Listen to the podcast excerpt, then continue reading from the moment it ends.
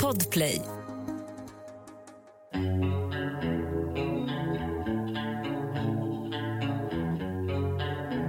Första gången jag hörde talas om fallet Sven Sjögren var under en övernattning med fritidsgården Puma i Visby på 90-talet. En sen, blåsig novemberkväll hade vi åkt ut till Lummelunds bruk och med ögonbindlar leddes vi ner i Lummelundagrottan. När vi kom fram till den största salen i grottan så hade en fritidsledare med stor inlevelse och i skenet av levande ljus berättat den märkliga historien om Svens försvinnande. Vi visste inte hur mycket av det som vi hört som var sant och hur mycket som bara var skrönor. Historien blev i alla fall den stora snackisen under kvällen och natten. Det var något med det olösta fallet som satte igång fantasin. Genom åren träffade man på många som sa sig vara säkra på vad som hade hänt. Men skrapade man på ytan så visade det sig ofta vara rykten eller spekulationer. Ett fåtal hävdade att han försvunnit frivilligt. Kanske hade han en dag bara ledsnat, satt sig på en båt och emigrerat till Australien. De flesta var övertygade om att Sven gått ett betydligt makabra öde till mötes. De ryktena som gick då, det var ju att han maldes ner som minkmat.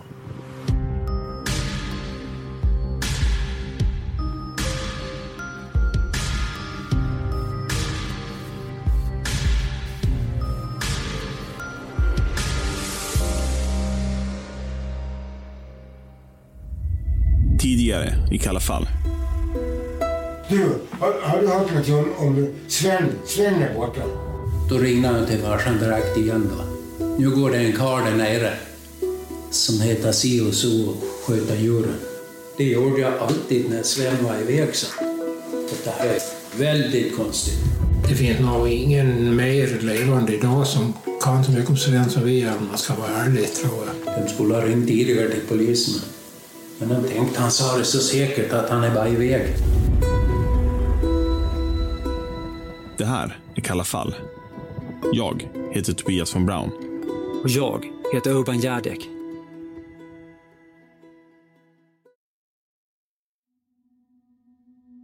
Efter Sven Sjögrens försvinnande så surrade hela Gotland av rykten. Vi har pratat med en av de som minns uppståndelsen och tidigt intresserade sig för fallet. Ja, när jag var grabb, ja, ja, vi var ju, jag och en kompis, vi var så mäkta intresserade av det här fallet. Det gick ju så mycket rykten hela tiden om det, och, om det här. Ja, vi gjorde väl egentligen inga efterforskningar. Vi tyckte ju bara det var... När det hände sådana saker så var vi väldigt... Alltid varit intresserade av händelser alltså. Så det var väl därför man, man låg... Jag minns att jag kom ligga och funderade hur det där gick till med Sjögren. Ja, nej, det var... eh, Det är en stor gåta. Jag hoppas verkligen att man hinner få reda på det innan Ja. man lämnar jordelivet. Men med åren har fallet blivit allt mer bortglömt. Ända fram till ungefär ett år sedan. När våra avsnitt av podden Olösta mord började publiceras. Nej, jag, jag ska ju säga det att innan det här kom upp nu, innan ni tog upp det här, då var det ju glömt. Och jag, jag har ju berättat det här för mina döttrar och de fattade ju ingen, de hade, hade ju ingen, jag har ju fått berätta om allting för dem här nere. De hade ju ingen aning om, om det här. Det har ju fallit i glömska. Anledningen att så många var övertygade om att svensk kropp malts ner till djurfoder var det faktum att Sven kort innan försvinnandet hade sålt av nästan hela sin gård till direktören för minkfarmen i Salthamn. En av de personer som Sven vid upprepade tillfällen hade sagt att han absolut inte kunde tänka sig att sälja till. den här eh, eh, direktören som ni kallar honom för, han, det- det, det är ju minkfarmaren där, han var ju också en mystisk man. Han levde ju ett sorts eh, dovt, eh, han var en sån här, eh, vad ska man säga egentligen, en tillbakadragen, han var väldigt, eh, han tjänade ju pengar, han tjänade bra med pengar men han han visste inte så det hemskt mycket ut. Han levde ofta, han levde nog ganska själv med, med, med, sin förmögenhet egentligen. Sen blev han ju ihop med hon eh, TV-hallåan, varpå hennes, hennes dotter är hon som skriver massa låtar till Eurovisionslagen. Men tror du att Ja, han, såg- tror att han var inblandad då? Att, eh, att, att minkfarmaren var inblandad, ja. Utan tvekan. Nej, jag, jag, jag kan ju inte.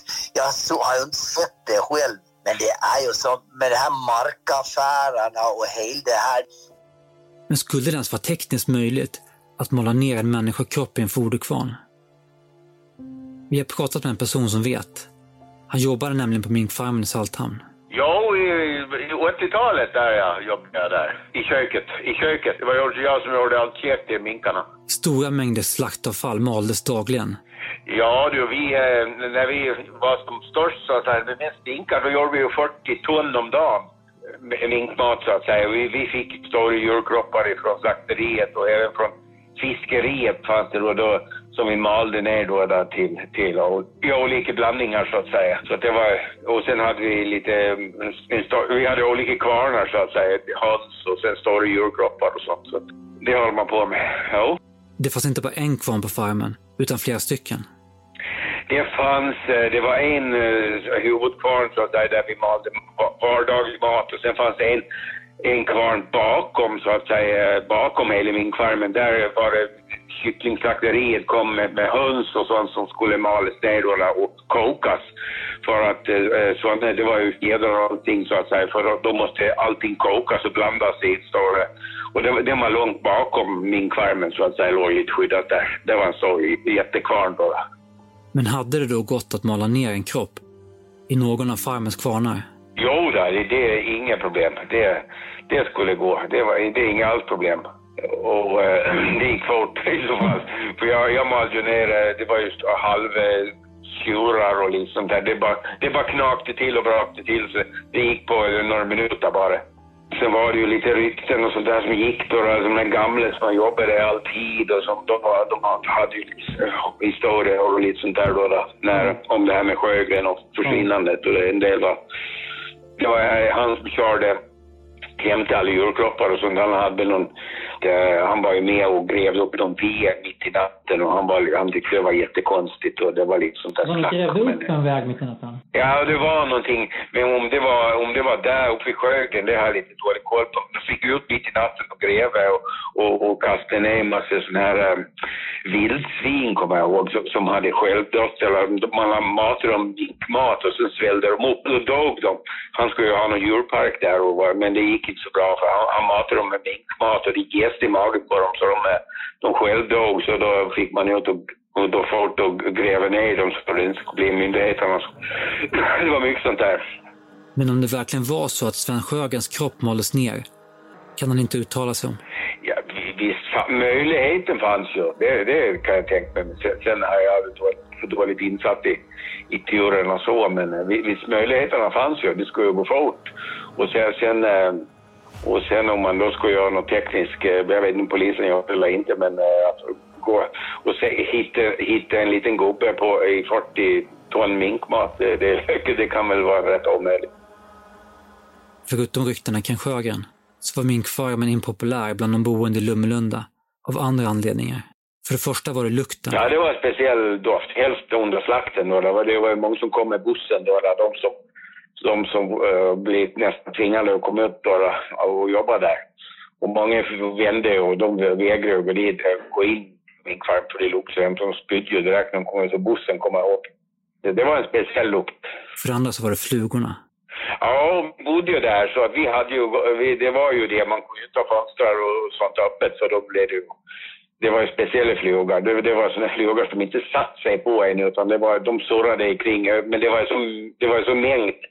Så det var otroligt så och det försökte ju, spröt de ju med gift och försökte bekämpa då, men det, det, det var väl lite så. Och sen var det så att, så den marken är nog rätt förorenad kan jag tänka mig.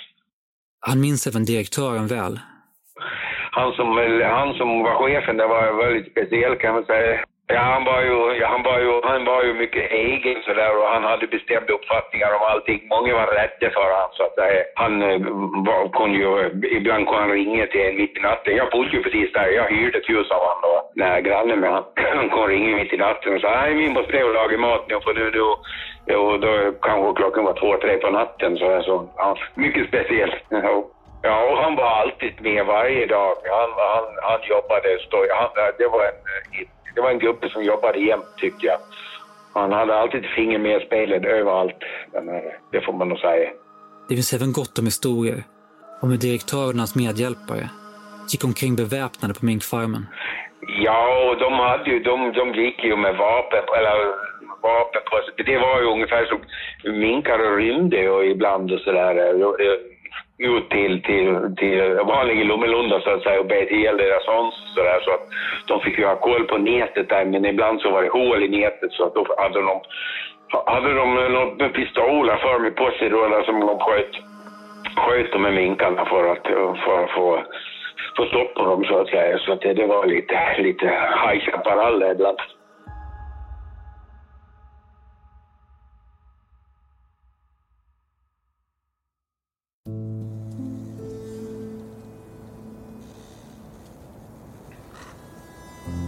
Allt det här var långt innan vi började arbeta i Lumlundagrottan. När vi kom dit så fanns minkfarmen i Saltan visserligen kvar.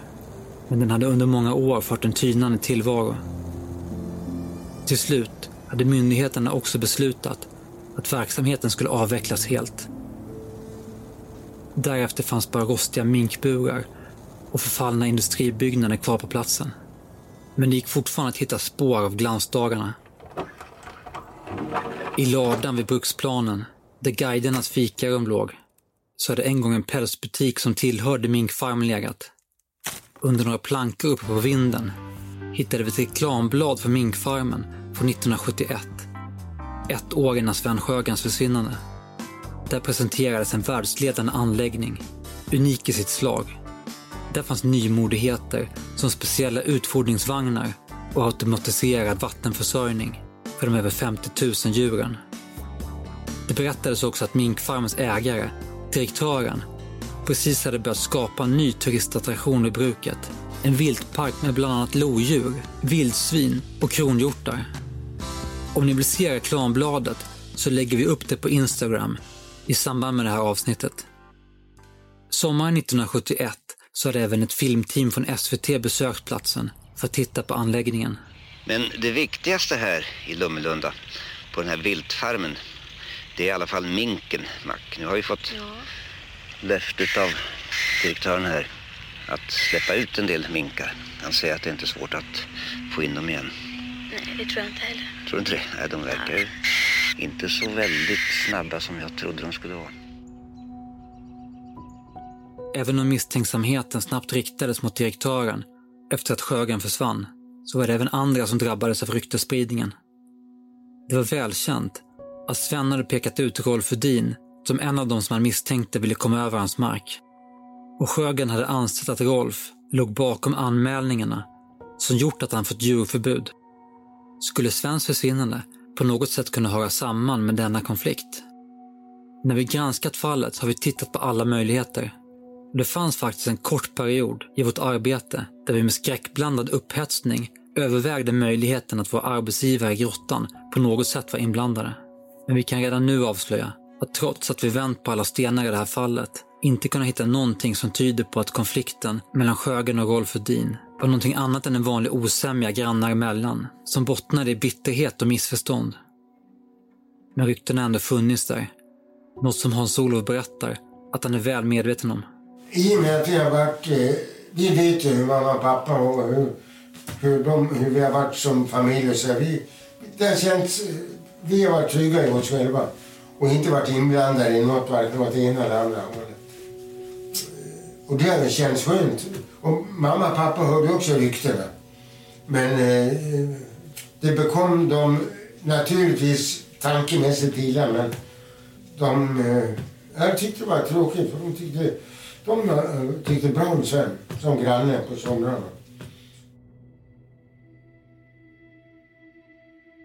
När polisens sökning efter Sven Sjögren väl drog igång så hade polisen lagt en hel del energi på att ragga i dammen ner vid parken och söka igenom familjen Udins fastigheter. Dels i Lummelunda, men även i Visby.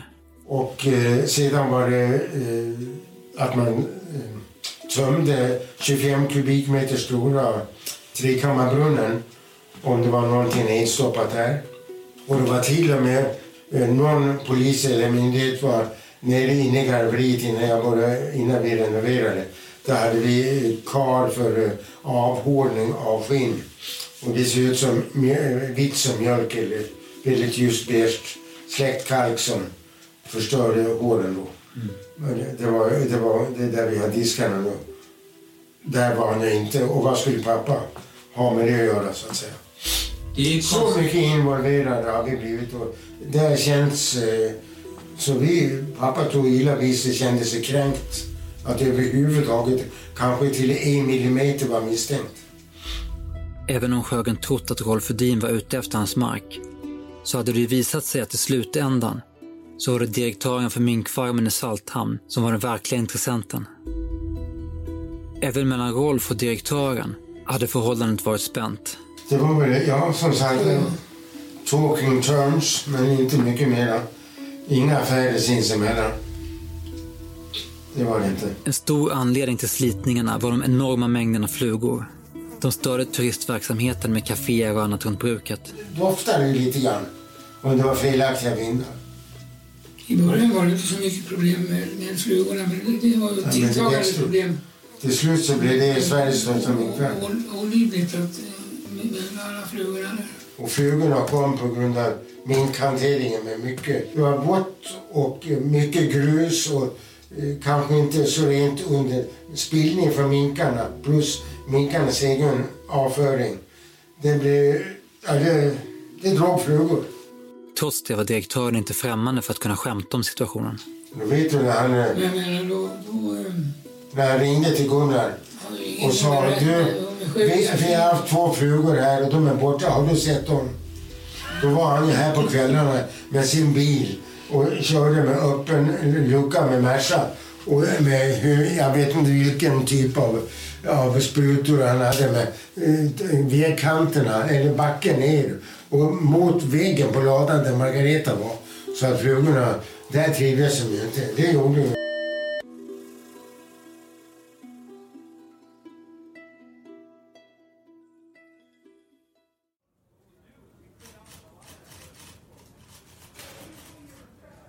Måndagen den 16 oktober 1972 hade det ringt i telefonen i polisstationen i Visby. Den som ringde var en lantbrukare i Atlingbo. Han hade berättat att han kvällen innan fått ett oroande telefonsamtal angående sin morbror, Sven Sjögren i Lummelunda. En granne hade berättat att Sven inte synts till på över en vecka. Sven brukar aldrig åka bort i mer än några enstaka dagar. Och om han gjorde det så brukar han alltid be sin närmaste granne att se till djuren medan han var borta. Men så hade inte skett. Dessutom hade någon byggt en väg över tomten. Det fanns uppgifter om att Sven skulle åka till Stockholm för att besöka ett företag vid namn Friab för att betala en skuld. Karl-Olof hade ringt Svens bror, Nils, i Stockholm. Men han hade inte hört någonting från Sven. Eller hört om någon Stockholmsresa. Nils hade i sin tur ringt företaget Friab, men inte heller de visste något. Polisen upprättade en anmälan om en försvunnen person och bad Nils ta sig till ön så fort som möjligt. Redan samma eftermiddag hämtades han på flygplatsen av två poliser och tillsammans begav de sig till Lummelunda. När de anlände till gården stod Svens bil, en gammal mörkblå Ford Custom Line från 50-talet, som vanligt parkerad vid husknuten. En gång hade den varit lyxig och modern. Nu hade den körförbud och rutan var täckt med gulnade höstlöv. Där stod även en grön traktor av märket Bolinder Munktell. Gårdsplanen var i övrigt täckt av gamla motordelar, tomma lådor, rostig taggtråd, plåtar och allehanda bråte. Bakom Sjögrens laggård skymtar den nybyggda vägen. Av Svens utedass, som en gång stått vid ändan av ladan, syntes inte ett spår.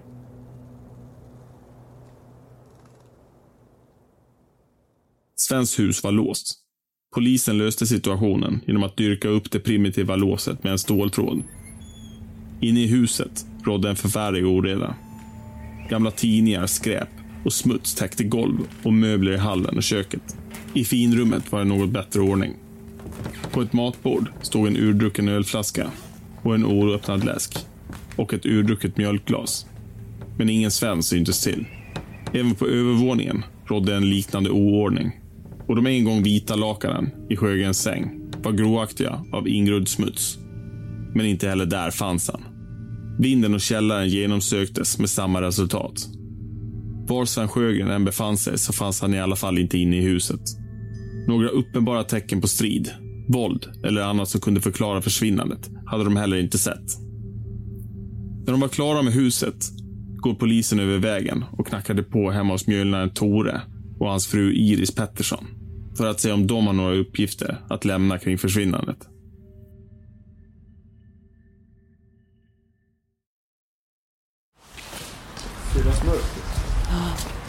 Vi, vi testar. Här, Iris. Hösten 2021 är jag och Tobias på väg för att prata med Iris. Tore gick bort för sju år sedan och Iris bor inte längre kvar i Lumlunda. Men vi knackar på hennes lägenhet i Visbys nordöstra utkant. Hej Iris! Hej! Urban Gärdek och Tobias von Braun. Hej! Nej, nej, jag Hej. känner, jag känner det. Nej, du, du, det är vi som gör den här podden om Sven Sjögren. Nej, orkar jag med det nu? Jag har ju eh, talat om precis vad jag vet. Ja. Till den här killen som har skrivit. Ja. Den hon menar är Christer Björle, chefredaktör på Horisont, ett lokalt magasin för grävande journalistik på Gotland som vi samarbetar Men, med. men han har inte spelat in det bättre så att vi, vi skulle jättegärna vilja... Bara, bara att vi kunde få spela in... Och eh, vad var det och- på en katt här? Och den, Oj, oj. Han vill in här.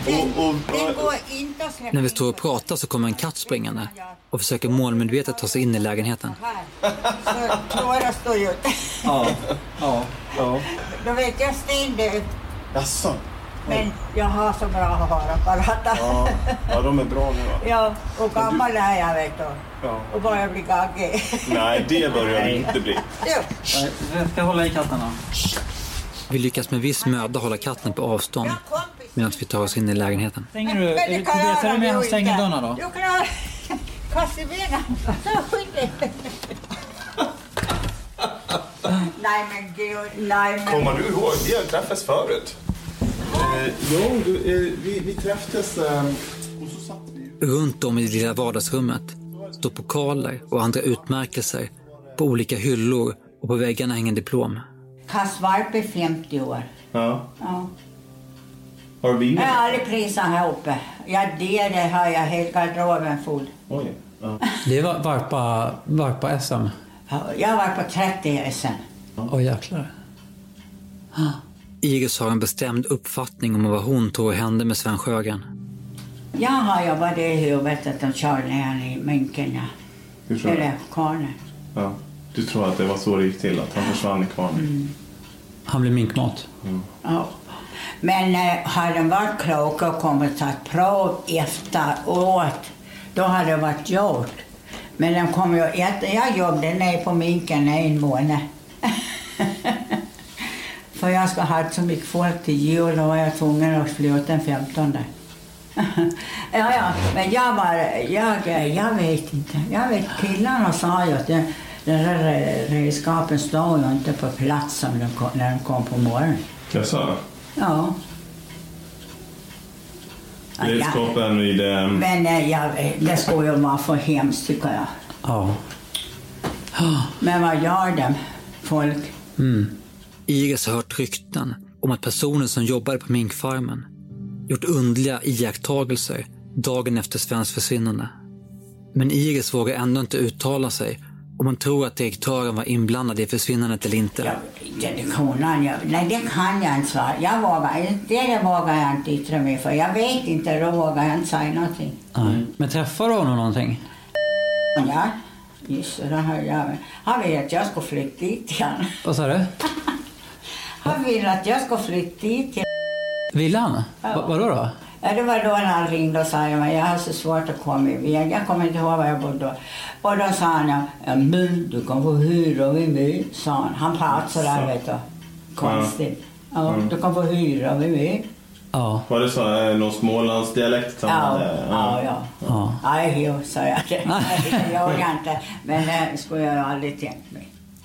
Vad tror du om den här vägen som byggdes då? Vä vägen?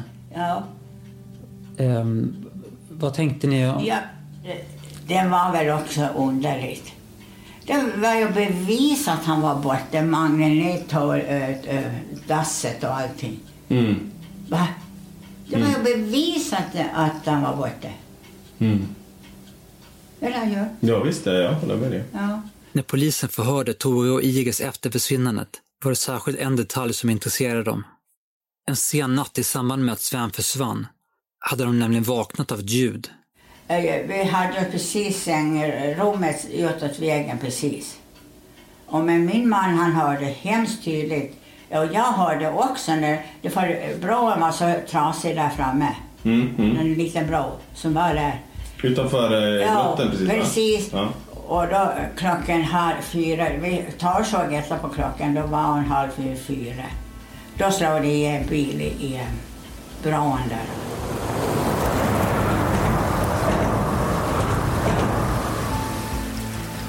Var den på väg in mot eller bort Det kan vi ju inte säga.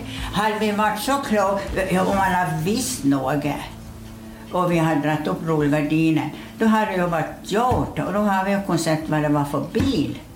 Ja, Mm. men inte tänkte man väl på sånt. Nej. Eller hur? Kan, hur, hur, hur lät det när, när de körde över bron där? Men det är väl dumt till så här, för den var rutten bro. Okej, var det som plankar som slog eh, emot? Ja, eh, de låg eh, nästan lös i bron det där. Okej. Det var ju farligt att köra på, på öva egentligen. Måste, måste man köra fort för att det skulle låta eller? Nej, det behöver man inte. Man kunde kryp, krypköra alltså? Han sa, det, jag vet, men vi, vi vet det. Det är Mm. allt vad vi vet om eller den där bilen. Och det var fyra på natten. Vägen över bron leder bara till Tore och Iris hus och till Sven Sjögrens hus. Och Sven var verkligen inte känd som någon som var ute och körde på småtimmarna. Polisen har därför snabbt dragit slutsatsen att bilen måste ha någonting med försvinnandet att göra. Frågan var bara om bilen var på väg till eller från Svens hus. På grund av dånet från forsen så var det omöjligt att avgöra. Även den nyanlagda vägen hade väckt polisens intresse. Hur kom det sig att den hade byggts så snabbt efter försvinnandet? Stig och ingen minns att den nyanlagda vägen även hade fått folket i trakten att reagera. Ja, det var de igång i alla fall. Minst. Det gick väl inte en vecka så var de igång med det där vägbygget. Ja, nej, det gick väldigt snabbt. Och då brak ju ryktesspridningen igång. Ja, nej, för det heter ju att det var bråttom med det, för det skulle vara färdigt tills Sven kom hemifrån sin resa i Stockholm. Ja, så sades Men när man fick höra att det där så åkt med, då började man ju fundera, vad kan det här vara rimligt? Det var nog så där det drog igång. Ja, och då drog det igång någon djävulskt alltså. Ja. Det var då, då började ryktena att det här är något som jag inte... Ja, det, det gick nog väldigt fort där. Ja, då gick Och alla förstår ju att eh, man kan ju inte göra så. Bara, bara efter några dagar börja bygga vägar och grejer. Så det var något skumt. Ingen bekräftar att misstankarna tidigt riktades åt ett visst håll när det blev känt vem som var köparen till Svens mark. Alla ansåg väl att det var han som var ansvarig för alltihop, men det var nog det. För det var nog redan ju då att det var något trassel med det där kontrakten och att det inte var schysst. Det, det, det spred sig rätt fort det där. Inge och direktören var inte helt obekanta med varandra. Men, men du, har- visst, du hade jobbat på Mink? Ja. ja, ja. Hur länge jobbade du där? Jag tror jag var det tre, fyra år. Ja. Skulle bara vara tillfälligt, nej men fan man var tvungen att ha en inkomst men sen blev jag kvar det ett tag. Hur gammal var du då? Ja, det var ju 72. Jag är född 47 så var jag 24-25 år. Ja. Hur var det? Ja, det var lite omväxlande. Det var det. Men i och för sig var det var väl inget fel så. Det var ju skitigt och tungt. Det var minst sagt ett speciellt klientel som jobbade på minkfarmen. Det var ett på Arbetsförmedlingen. Det var de där perioder det var parning på vår och slakt. De rensade ju vad de hade. Skikt ut. Vilket klientel. Men det var alltid några stycken som var bra ordning med. De blev i regel kvar då. Fick man stanna kvar. För han hade ju ständig brist på folk liksom som var någon med. Va. Direktören var en komplicerad natur. Många har haft påtagligt svårt att beskriva hans personlighet. Vad var din, din eh, känsla av honom då? Ja, han var lite muttrig. Han var lite... Nej, han var inte... Nej, men han var trevlig så, men han var butter. Han var lite butter. Försiktig. Ja, han var lite försiktig. Men alla som jobbar för honom tyckte om honom. Jag har aldrig hört någon som har tyckt illa om honom ändå. Han var en bra arbetsgivare. Nej, Nej, det gick var till så här. Folk ringde och skällde på honom att hans minkar har gett upp hönsen. Mm. Nej, nej, sa han. Det är inte mina minkar. Vi pratar mycket, mycket eh, Smålandsdialekt eller? Han bra, nej, hur fan jag... Inte mina minkar, nej, nej. Så där pratade han på något vis. va. Han var väldigt fåordig, men sen träffade man honom utanför minkfarmen vid något tillfälle. Då kunde han ju prata. Så det blev nästan som att han var en annan människa då. Var han hård som arbetsgivare eller? Det hände ju ibland han satt och sov när han kom. det var en som eh, han bodde uppe i Falu, lite halvknäpp. Sen kom och han satt upp och sov där i vårsalen. Så han låt han sova färdigt. Han så. Sen när vi såg hem på kvällen. Du, sa han, du det här, det här är till dig, sa han. Då var det avlöningskuvertet. Då fick han spark. Va? Det är sant. Ja, men det var enkla puckar. Ja. Ja. Ja, och nej, så var det inte. Det, det var ju... Ja. Nej, men jobbade han så här så var han ju schysst och alltså, så absolut, det var inget snack. Nej, han var väldigt omtyckt så. Min, min son jobbade där faktiskt en sommar, 95 ungefär. Sen säger han fortfarande än idag, så rolig arbetsplats som på minkfarmen, det går nog inte att hitta, så. Det var helt galna människor, det var så kul. Ja, han var positiv till minkfarmsdirektören också. Ingen minns också att redan ett par år innan Sven försvann så hade det uppstått en del förväxlingar mellan Sven och direktören kring vissa markområden runt bruket. Upprinnelsen hade varit en djurpark som direktören under många år hade haft planer på. Men han förstod att han var inblandad, för han hade ju själv inte blandat in den marken. Utan, utan han blev ju pådyvlad en utredning där eller vad det var. Jag vet inte hur det var. Nej, jag vet Och då fick han reda på att det var inblandade låg bakom det där. Ja. ja. För han hade ju inte alls tänkt sig att sälja det. Utan det var ju den norra. Ja, jag har hört talas om det då, att det skulle bli en djurpark där nere. Det har jag, det har jag haft i hela tiden. Men det vet jag inte. Du och jag pratade en gång, men det var inte du som hade något större kläm på det. För det hörde jag att det skulle bli någonting. Och vad det var riktigt... eh, Det var att han blev skyldig någon där, det, det har jag hört på Mm. något vis. Ja, Men riktigt hur det låg till, det visste jag inte. Det var väl de där tomtarna stycktes av dem. Ja, på något vis.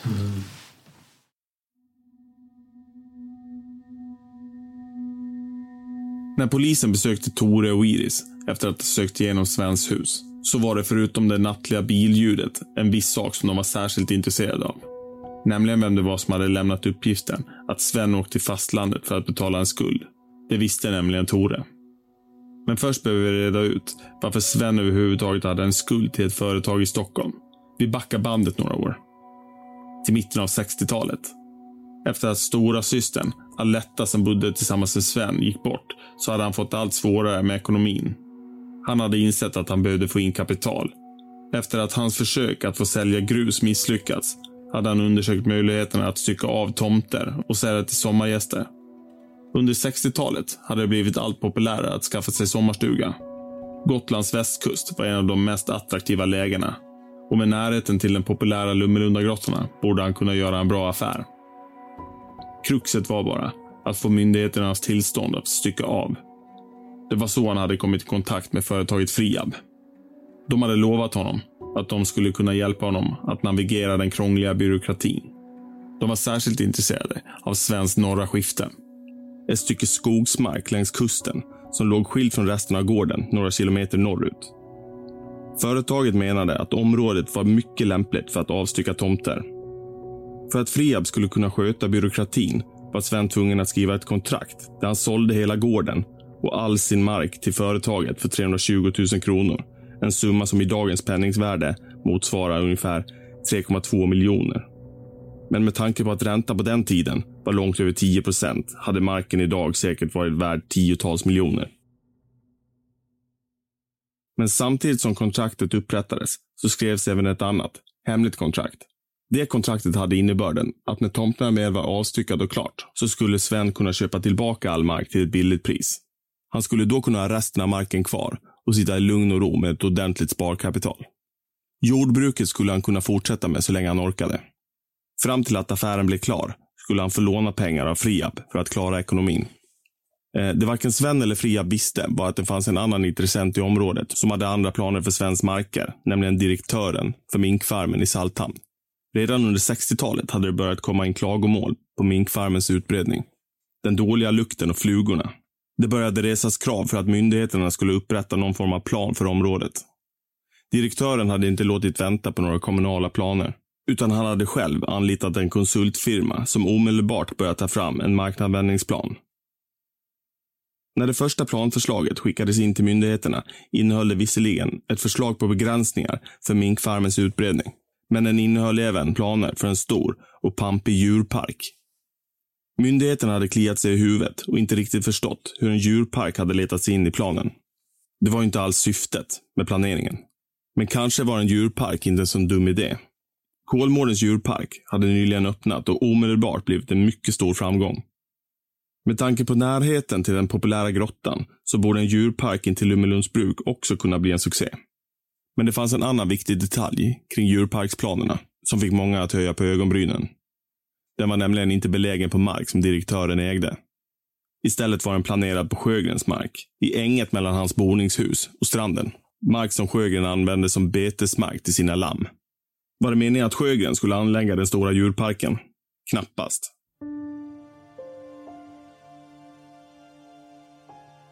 Alla insåg att det bara fanns en person i bygden som hade resurserna till något sånt. Nämligen direktören.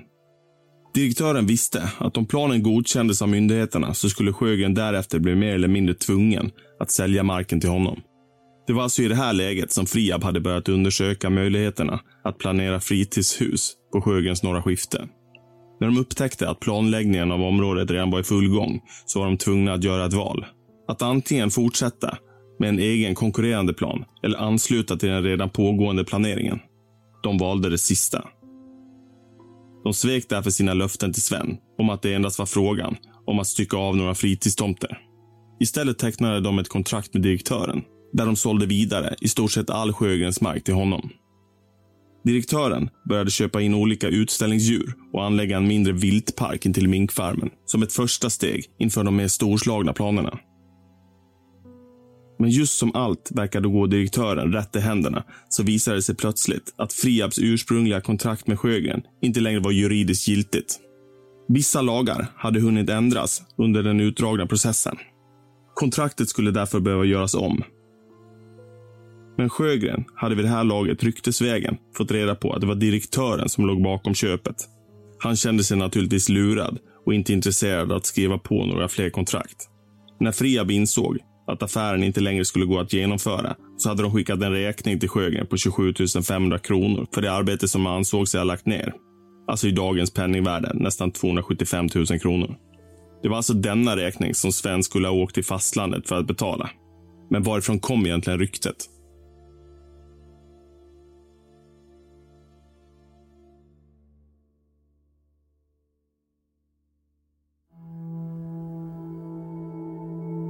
Iris berättar att månaderna innan Sven försvann så hade hon och Tore lagt märke till en yngre man som ofta besökte Sven Sjögren. Det var ett udda par. Den yngre mannen hade haft en världsvan framtoning och varit välklädd enligt senaste modet. Det hade verkat lite märkligt. Vad kunde han och den 62-åriga lantbrukaren med sin smutsiga overall ha gemensamt? Även om Iris var nyfiken så vågade hon aldrig gå fram och prata med honom. Jag har inte pratat med honom. Men har du sett honom? Men jag har sett han. Ja. Och jag har sett han så förstår du, att, att han kom varenda morgon. När jag då var hemma någon gång. Ja. Varenda morgon, varenda morgon. Och då sa jag så här till min gubbe så här. "Aj, jo, bara, man ska ju inte säga som jag säger nu. Det får ni inte säga heller. Jo, bara han inte tänker göra någonting med Sjögren, sa jag. Hade du det på känn? Det kände jag då. Jag kände det och då sa min gubbe, äh, du är inte klok. Sa han till mig då. Vad, var det, vad var det som gjorde att du fick den känslan tror du? Varför han får det så vansinnigt? Ja.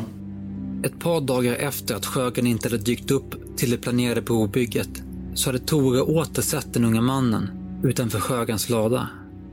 Han hade då tagit mod till sig och gått fram.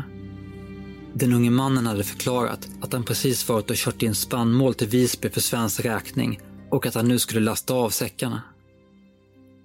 Han berättade att han och Sven var goda vänner och att han hade lovat Sven att se till gården medan han var borta. Sven hade nämligen åkt till Stockholm för att betala av en skuld. Bara någon dag senare hade Tore och Iri sett mannen igen. Nu hade han stått och dirigerat arbetet på den nya vägen som anlade sig för svensk mark. Iris skulle senare förstå att mannen hon sett var identisk med den man som i det här fallet har gått till historien under namnet Bulvanen.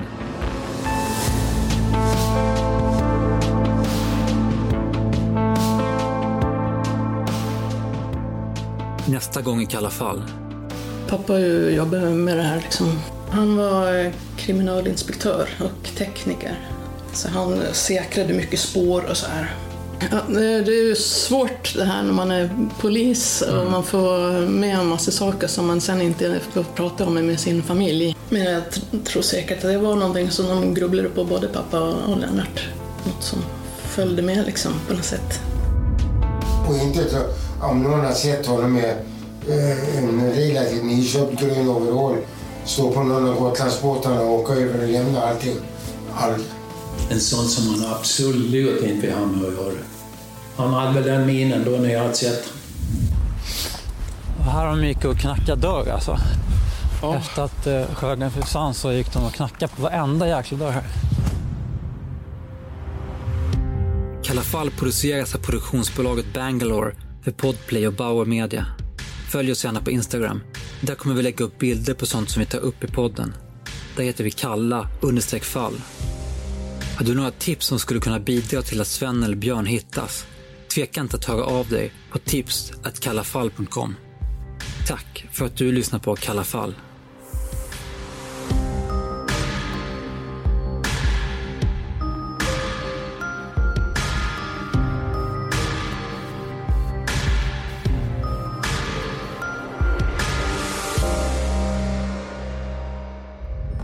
Podplay, en del av